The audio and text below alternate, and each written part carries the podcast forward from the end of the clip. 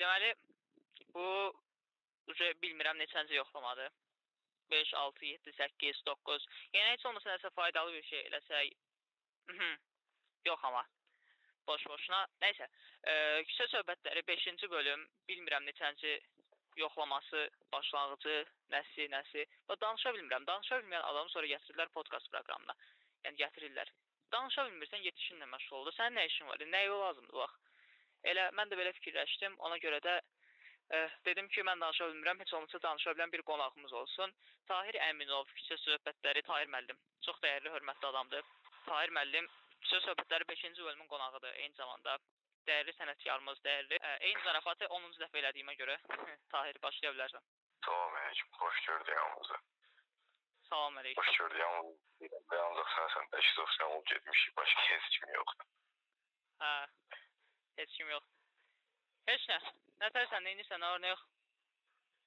Bu nə sualdır? Allah belə sual Mən verirlər. də oturmuşam evdə.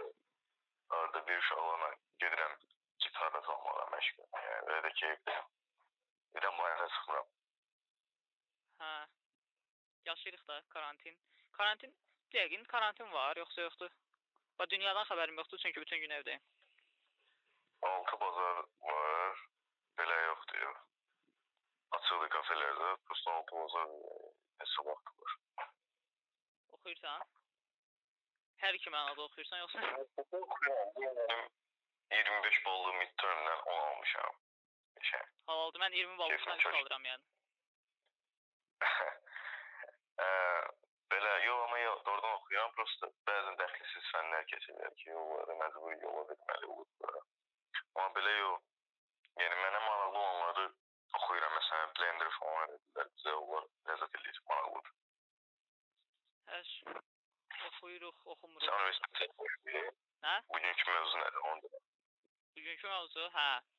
Bu gün ümumiyyətcə sən bilirsən ki, mənim nə proqramlarımda, nə yazdığım yazılarda mənim heç nəyimdə mövzu olmur. Çünki mövzu qıtlığı yaşayan adamam. Hətta küçə söhbətlərinin ikinci bölümünün adı mövzu qıtlığı idi. Hə, ona görə də mövzu əslində 3-4 gün əvvəl olsaydı qəşəng babat mövzular var idi. İndi elə belə mövzulardan keçinərik də. Məsələn, indi belə bir başa da mövzuya girmək olmur axı. Yəni elə esən içinə. Heç, sən oxupan gəlsin də. ciddi mövzudur əslində, amma bunu ciddi şəkildə danışmayaq. Yəni sonra linslər şey, Şeyma Subaşı. Bilirsən nə deyirəm? Deyirəm. Deyən ciddi mövzudur. Şeyma Sıvaydan naşidir. çox ciddi mövzudur bir dəqiqə, bir dəqiqə. Şeyma Subaşının sadəcə Şeyma kitabı. Sən özün tövsiyə eləmişdin ki, bu kitabı oxuyun yəni. Bu çox ciddi mövzudur. Hə. Və mən sənin ikinci kitab çıxartdığın Şeyma Subaşı gedib alaram onu bu saat. Üstümdəki bütün pulu verib alaram o kitabı. Yəni Tolstoy, Dostoyevski falan getsin o tərəfə. Sadəcə Şeyma. Şeyma Subaşı hmm, axırıncı dəfə gündəmə gəldi. Əri, əri nə idi ala? Sevgilisi. Neçən sevgilisidir? Bir 3-4 var da. Mən nə bilim, sən danışırsan valla. Sən, mən səndən eşidirəm ilk dəfə. Danış görmətiyim bu. Hər nəysə, e, deməli sevgilisi bunun üçün e, təyyarə bağlatdırıb. Yəni şəxsi təyyarə tapa bilməyəndə xalqın, yəni hamının bilet alıb mindiyi təyyarədəki bütün biletləri alıb şəxsi uçuş. Başa düşdün? Bu xəbərin üstündən Oy, 2 gün keçdi. Sosial mediada dəhşət linç elədilər bu xəbəri, məsələni falan. Bəziləri linç elədi, bəziləri dedi ki, görəsən Şeyma Subaşı yəni neyniyib ki belə olub da biz də öyrən. Düzdür, qısqanılacaq adam deyil, ümumiyyətcə baxılıq. Yəni öz heç bir şey öz qazandığı şey olmayan adamın nəyin qısqanasan, nəyin yəni Allah elə olmaqdan qorusun da belə deyək. Amma sosial mediada babat həm məsələnlər, həm linç elədilər. Üstündən 2-3 gün keçdi. Həmin o sevgilisi Maldivlərdə villa aldı. Yəni Maldivlərə gedəndə hər dəfə oteldə qalmasın deyə. Oy, temaya bax. Romantika. Belə sevgilimiz oldu. Nə, mən açıq yolları bilmirəm, tanımıram. Ümumi belə mövzuya baxanda da ki, ə, belə şeylər çox olur da olsun. Kimisə pul qırıqlandı, kimsə nə bilim Allah samolyot bağlayır, kimsə mən nə bilim. Kimsə də adından öyle zırt pırt. Yəni belə temalar həmişə olub. İmuna Şeyma Subaşı yoxsa Şeyma Şubası? Yox, Şeyma Subaşı. Bu Şeyma Subaşı'nın teması var ki, Türkiye'de linç olunması normaldir əslində. birincisi 100% bu Twitter'da zaten normal birinci günde. Twitter'da onsuz da nəsə axtarırlar birinci Twitter ümumiyyətlə İkincisi də belə deyil. Necə? Twitter ümumiyyətlə gizləcək yer deyil. Yəni Twitter'a girəndən sonra bütün psixologiyam pozulub. Yəni bu saat dəli olmaq səviyyəsinə gəlib çatmışam. Düzdür əvvəllər də. Twitter'dakı formaları görmüşəm mən, özünüzlə yazışırsan, edirsən. Sən dəli olmusan. Sən də az dəli deyilsən yəni. Əlbəttə. Bu bir iltifatdır, bu mən iltifat kimi qəbul edirəm. Hə, dediyim kimi, yəni türklər olan, türklər yəni ki, belə türkləri qoyar bir qırağa özümüz baxaq. Əslində belə də göylü bir şey görmürəm ya orada. Kimsə normal işindən qalır. Kimsə qıraqdan baxa-baxa qalırsam elə tək ay bilirəm bu ilə getmək, gedə bilməz. Bəzi elə temalar olub, elə temalar olubsa, Belə bir şey var da sən məsələn oxuyursan, universitet oxuyursan, mən sən mən oxuyuruq. Gələcəkdə qazana biləcəyimiz maksimum maaş, nə bilim 10 min dollar falan olardı. Yəni maksimum, ən maksimumu deyirəm. Bu sadəcə e, yəni sırf qadın olduğuna görə, Şeyma Subaşı olduğuna görə təyyarə bağlatdırılır buna villalarda falan, Maldivlərdə. Yəni nə bilim, Sadəcə bu qadın şey məsələ. başı ilə belələr bu çoxdur bu arada. şey, Yəni təkcə Şeyma Seyman, deyil. Allah'ın başladım mən. Seyma, Seyman şubası. Seyma Subaşı. Hə, bu sırf Seyman şubası ilə Hmm, Ama ona sırf ona ayrılan bir mövzu değil də. Yaxud sırf qadına ayrılan bir mövzu değil. Yəni sən necə gəl öz ölkəmizdən götürək. Atıram məsələn Məhəmməd Dəniz dalga dolu videolar çəkir, reklam qazanır oradan. Bildin necə? Yəni belə temalar həmişə olub da. Onun yəni qadın olmağı ilə bir əlaqəsi yoxdur. Hər qadın da məsələn onu eləmir. Və dediyim kimi adamın özündən çox yaxşıdır. Sən ona niyə baxırsan ki, sən işini görsən də sən nə vaxt linç olması bir tema olar. Nə vaxt ki sən oxuyursan falan filan, işini görürsən də işinin qarşılığını almırsan. Mən məsələn oxudum 10 min dollara işləyirəmsə, mənim bir yoluma deyir ki, Şeyma orada neyinir, arasını verir, nə bilim, axı ki, neyinir orada pul kazanır, o mənim özümə olmaz. Mən fakt gördüyüm işin qarşılığını alıram. Yəni mən belə düşünürəm. Linç eləməyə də gələndə dediyim kimi mən orada tam bilməm nə olub, amma o bütün təyyarəni bağlatdıranda başqa insanların uçuşları gecikirsə, hə, o linç olması nəsə var. çox dəyərli fikirlərinizə görə düz deyirsən əslində. Yəni düz fikirləşirsən. Nə deyək yəni? Yəni sən bayaqlar bir şey dedin, onun kitabı Hə, kitab kitab ciddi məsələdir yəni. Dostoyevski Tolstoy özü öz arasında o razborkaları var. O ayrı məsələ. Şeyma Subaşı ikisindən də yəni yuxarı. Yəni dünya ədəbiyyatının bir nömrəli, yəni Şeyma Subaşı. Sadəcə Şeyma. Only Şeyma. Döyə üstündən keçər. Amma belə doğrudan öz razborkalarında görəsən kimdə Tolstoy ilə Mən deyirəm Tolstoy Dostoyevski. dəyər. Yəni məncə Tolstoy dəyər. Forza Tolstoyun arxasındayım yəni. Tolstoy çilyər. Elə bilirdim belə deyəcəksən. Paylaşımlarından, oxuduğun kitablardan falan görmüşdüm ki, Tolstoy nisbətən daha çox oxuyursan. Dostoyevskinin məsələn Cinayət Cəzasını oxuyandan sonra oxuyanda çox təriflənən əsərdir Cinayət və Cəza. Yəni heç kitab oxumayan adam belə deyir ki, ay Cinayət və Cəza falan. Kitabı oxudum, çox da mm, nadir bir əsər, nadir nə idi ala? Çox da dəyərli bir əsər imiş kimi gəlmədi mənə. Yəni, sıradan bir əsər hətta bəlkə daha sıradan bir yazıçının, daha sıradan bir əsəri Cinayət və Cəzadan daha yaxşı ola bilərmiş kimi gəldi mənə. E, çünki həm sıxıcı idi, həm bildiyin sırf Dostoyevski elə bil ki, istəyərəkdən, bilərəkdən e, baş rolu psixoloji Türklər bunalım deyir. Bizdə nə deyirlər ona? Bunalım, belə bunalımdır da bizdə də. Demək olar ki. Bizim dildə biraz problem Nəysə ki, ki. Kitab bunaldır da deyirsən sən. Məsələn, Cinayət və Cəzanı deyirlər, atıram. Hansı Bəyaz yer altına Gecələr. notları məsələn Yeraltından oxumursan. notları oxumamışam, almışam, oxuyacağam. Yəni Dostoyevskidən iki kitab alıb qoymuşam, ora hələ oxumamışam. Bəyaz Gecələri oxumuşdum hələ uşaq olanda. 50 səhifəlik falan bir kitabdır. Bəyaz Gecələr məsələn möhtəşəm idi. Onu oxuyandan sonra demişdim ki, həqiqətən. Dostoyevski yəni demişdim ki, dedikləri qədər var imiş. Amma Cinayət və Cəzanı oxuyandan sonra e, Bəyaz Gecələr, yəni belə gözümdən düşdü də bir növ. Dedim Bəyaz Gecələri yazan adam yazıb bunu deyə bir şeylə fikirləşdim. Tolstoya gələndə Tolstoy bilmirəm, mənə daha yaxın gəlir, daha ə, səmimi gəlir, daha ə, yazdığı şeylər həyatın içindən imiş kimi. Yəni bir növ Dostoyevskinin verdiyini Tolstoy da verir. Məsələn, Cinayət və Cəzanın sonluğunda ümumiyyətlə kitabın e, yenə türklər önərmə deyir, biz də bilmirəm nə deyirlər. E, kitabın önərməsi türkün məsələ e, odur ki, insan Tanrıya bağlanmalıdır, Tanrıya bağlanmalıdır, keçmişini unutmalıdır, bütün günahları bir qırağa qoymalıdır falan filan. Kimi bir şeydir. Amma bir ictimai bir e, həll yolu falan ortaya qoymur. Məsələn, cinayətlərlə bağlı. Amma eyni cür, eyni demək olar ki, eyni xəttlə Tolstoyun diriliş əsəri var məsələn. Dirilmə əsəri. Orada da həbsxanalardan bəhs eləyir, cinayətdən falan bəhs eləyir. Orada mənəvi cinayət idi. Yəni daha çox insanlar tərəfindən, hakim tərəfindən mühakimə olunmayacaq bir şey eləmişdi baş rol və e, öz vicdanını təmizləmək üçün yollara düşmüşdü. E, vicdanını təmizləmək üçün bir çox şey eləməyə çalışırdı və bu yolda da gedir, Tanrını tapır məsələn. Burada e, bu kitabda yəni önərməsi Dostoyevski ilə təxminən eyni idi. Amma bundan əlavə kitabda bir çox ictimai problemə toxunur ədalət sistemindən tutmuş hüquq, ə, e, cinayət, həbsxanaların vəziyyəti falan, məhkəmələr hamısına bir-bir toxunur. Ə, e, təkcə bunlarla da qalmır. Torpaq bölgüsü o vaxtın ən böyük dərdlərindən biri idi. Feodal kəndçi münasibətləri falan hər şeydən yazır kitabda.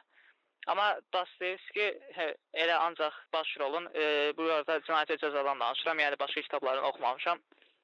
Baş rolun psixi vəziyyətin götürür əlinə, yazır, yazır, yazır boş-boş.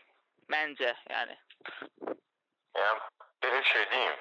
Mən Dostoyevskinin də, Tolstoyun da bir neçə kitabını, hərəsindən azı 4 dənə kitabı e, oxumuşam. Və bunların arasındakı həmin o necə deyim, müqayisə məsələsi mənə bilsən, e, yəni o ikisi arasında olan o müqayisə mənə belə gəlir ki, ikisindən də oxuyub belə bir qərara gəlmişəm ki, Tolstoy Dostoyevskinin məsələn Cinayət və Cəzada 600 falan belə bir səhifə var, səhv eləmirəmsə. Axır ki, o qalınlıqda olan bir kitabı var Dostoyevskinin və Tolstoyun İnsan nə ilə yaşar deyə bir əsərlər toplusu var. Əsərlər toplusunun içində kiçik-kiçik əsərlərdir və Tolstoy həmin o kiçik əsərlərin içində, hər birinin içində, hətta hər birinin o bəziləri üçün ki, elə güclü deyildi, amma bir çoxunun içində elə bir məna yerləşdirir ki, və onu çox az bir səhifəyə, çox az bir zamana izah edir. Hansı ki, Dostoyevski onu e, atıram 500 səhifəyə izah edir. Yəni Tolstoyda bu məsələ var. Yəni Tolstoy detallara dayanır, amma detallara Dostoyevski qədər dayanmır. Əslində başqa kitablarda. E, məsələn, əslində başqa kitablarında dayanır. Hə. Davam edirsən yoxsa? Belə bir şey deyim də, yəni ən belə çarpıcı əsərlərindən danışıram. Düzdür, Tolstoyun ən belə önəmli əsərlərindən qalın əsərləri var ki, yəni mən onları oxumamışam, amma ümumi baxıb deyə bilirəm ki, yəni belə düşünürəm ki, Tolstoy nəticəni Dostoyevskidən mənim fikrimcə çox daha yaxşı izah edir. Nəticəyə çox daha yaxşı və asan gəlir. Ayrıca məsələn etirafların kitabında. Amma Dostoyevski belə bir dənə tema var ki, o Tolstoyda yoxdur varsa belə Dostoyevski qədər deyil. Məsələn, Dostoyevskinin Cinayət Cəzanı qoyublar, bilirəm, ondan çox danışdı. Məsələn, alçaldılmış və təhqir edilmiş insanlar kitabı var Dostoyevski. Məsələn, o kitabı oxuyanda, xüsusən bir də onu qış ayında oxumuşdum. Yəni, o kitabı oxuyanda hər bir personajın dərdini, hər bir personajın yükünü öz üstündə hiss edirdim və bir-birinə düşmən olan per personajların belə başa düşürdüm və onları bilmirdim hansının tərəfini tutum və mən dediyim kimi o Dostoyevski kitabın yükünü, kitabın ağırlığını, ümumiyyətlə rus ədəbiyyatının o quruzunu, depressiv hisslərini Tolstoydan çox daha yaxşı adama çatdırır. Mən məsələn quruza düşməyi xoşlayıram. Yəni kitabı oxuyum, mənə ləzzət eləsin, depressiv bir şey olsun, xoşuma gəlir. Məsələn, o duyğu mənim üçün Tolstoyda yoxdur. Dostoyevskidə var. Amma dediyim kimi Tolstoyda olan o söhbət ki var. Məsələn, Tolstoyun İnsan Elə Yaşar kitabı ki var. Orada elə o e, mələyin üç dəfə gülümsəmək söhbəti var. Məsələn, o tema mənə çox ləzzət eləmişdi. E, ola bilər ki, bəlkə də bilmirəm, indi mən e, Dostoyevskinin Cinayət və Cəza kitabını tam dəqiq başa düşməmişəm, amma o Tolstoyun o kiçik bir neçə səhifəyə qaçaqladığı fəlsəfə ki var, O mənə çox ləzzət eləmişdi. Dostoyevskinin bütün o kitabından daha ləzzət eləmişdi. Məna cəhətdən deyirəm, amma ambiyans, atmosfer, yaşatdığı duyğular cəhətdən Dostoyevski döyür. Amma fəlsəfəni yəni çatdırmaq istədiyi mənanı qısa və konkret izah eləmək cəhətdənsə Tolstoy döyür. Ona görə də axırda heç biri döymür. Çünki yəni də təzyi, biri bu təzyi yazır, biri o təzyi yazır. Ya da ikisi də döyür. Ümumiyyətcə Onu da işte böyle. davanı bitirsə, Ama şey, o bu diller ikisi də. bu Yəni davanı Rusdular. bitirsə ümumiyyətcə bu davanı dünyanın ən yaxşı ədəbiyyat yazarları ruslardır. Yəni bunu qəbul edirik və dava Bəli. Təbii ki, Seyman Şuvasından sonra. hə, Ən, ən yaxşısı Ruslar. Leyva Şuvaşı 1 yerdə qalan rus ədəbiyyatı yazarları 2 Gogol, Dostoyevski, Tolstoy. Bir də maraqlı bir şey var. Bunlar məsələn ə, əksəriyyətinin kökü rus deyilmi? Rus ədəbiyyatı yazarlarının əksəriyyətinin kökü rus deyilmiş. Bu məsələn təzəlikcə öyrəndim. Təzəlikcə öyrənmədimmi? Doğrudan. Bax, Gogol məsələn Ukrayndır. Ə, Dostoyevski ya türkdür, ya da Monqoldur. Bu ikisindən biridir. Ya Kazan türküdür, ya da Monqoldur. Cidden istəyirsən araşdır bax. E, Tolstoy haqqında da deyirlər. Tolstoy rusdur, yəni rus olduğuna inanıram.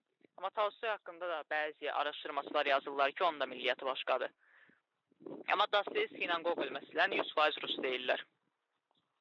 Amma e, təbii ki, özlərinə rus deyirlər, yazdığı əsərlərdə də rus vətənpərvərliyi. Belə bir şey də var. e, Rus deyirlər əksəriyyəti, amma əsərlərində rus vətənpərvərliyin önə sürürlər. Məsələn, Gogol. plus yəni onların ədəbiyyatında Rusiyanın atmosferinin məncə rolu böyükdür. ləzzət edir əslində. Yəni o atmosfer ləzzət edir, bizimki ilə də uyğunlaşır. Yəni 1800-cü ildəki Rusiya atmosferi bizim 2021-ci ildəki Azərbaycan atmosferi ilə niyəsə uyğunlaşır. Yəni baxırsan deyirsən ki, orada nə isə burada da Vizual cəhətdən da Maralin biraz oxşu- oxşuyur.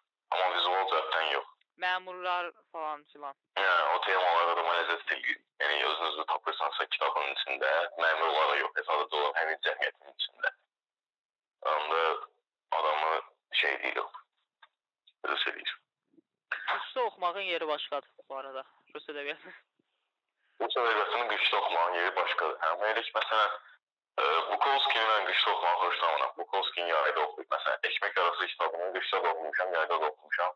Yayda ləzzət edir. Çox dəyərli sənətkar, əziz e, olmur. Yeri yoxdur zarafatın. Şeydir. Deməli Tahir Əminov bugünkü və bundan sonrakı qonaqlarımızdır. Qonağımız idi. Tahir müəllim, e, siz özünüz belə oxuyan adamsınız. Həm oxuyursunuz, həm oxuyursunuz, həm oxuyursunuz. Yəni həm universitet oxuyur, həm kitab oxuyur, həm mahnı oxuyur. İndi oxumağa şərait yoxdur, düzdür. Oxusan səsin pis düşəcək. Amma nə vaxtsa vaxt eləyib babat oturaq, normalni oxu bizim üçün. Deməli, Olur. bu qədər kitab oxuyursan, podkastda qulaq asan 2-3 adam var, hərəsinə 1-2 kitab. bu qədər kitab oxuyursan, axırda 1-2 kitab tövsiyəsi elə biz də yararlanaq. Kitab tövsiyəsi deyəcəm qəribə gələcək amma Kiçik Prens Hə, kitabı mütləq oxunmalıdır yəni. balaca Xüsusən də kitab oxumağa tezə başlayanlar. Möhtəşəm kitabdır. Cidden möhtəşəm kitabdır. Yazar burada nə deməyə çalışır? E, həqiqətən qəşəng kitabdır. Xırda mesajlar kitab lazım olsa, bir dənə yüngül dedim, bir dənə də ağır deyim. ağır kitab sadəcə şey ama. Ağır kitab nə? Sadəcə şey var. Ha, o normal ağırdır. Yəni o paradozu da onun tərəfəsi yoxdur. Bir dənə də ağır kitab çox tanınmış deyim. Biraz bax məsələn Hakan Gündayın Kinyas və Kayra bir də Az kitabları var. Az, bir Kinyas və Kayra.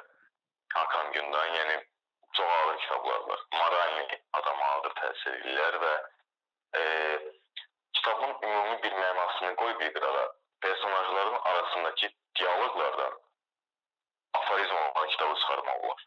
Yəni çox möhtəşəm yazardır. Qələmi çox necə deyim, ikonikdir də onun. Yəni ox oxumaq lazımdır onu. Adı? Hakan. Hakan Günday. Ümid edirəm ki, bu tövsiyəndən yararlanar dinləyicilərimiz.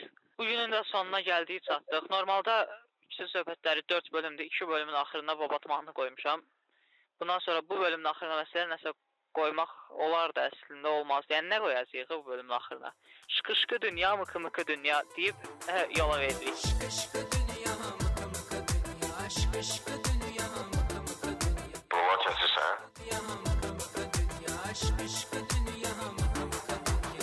criticism.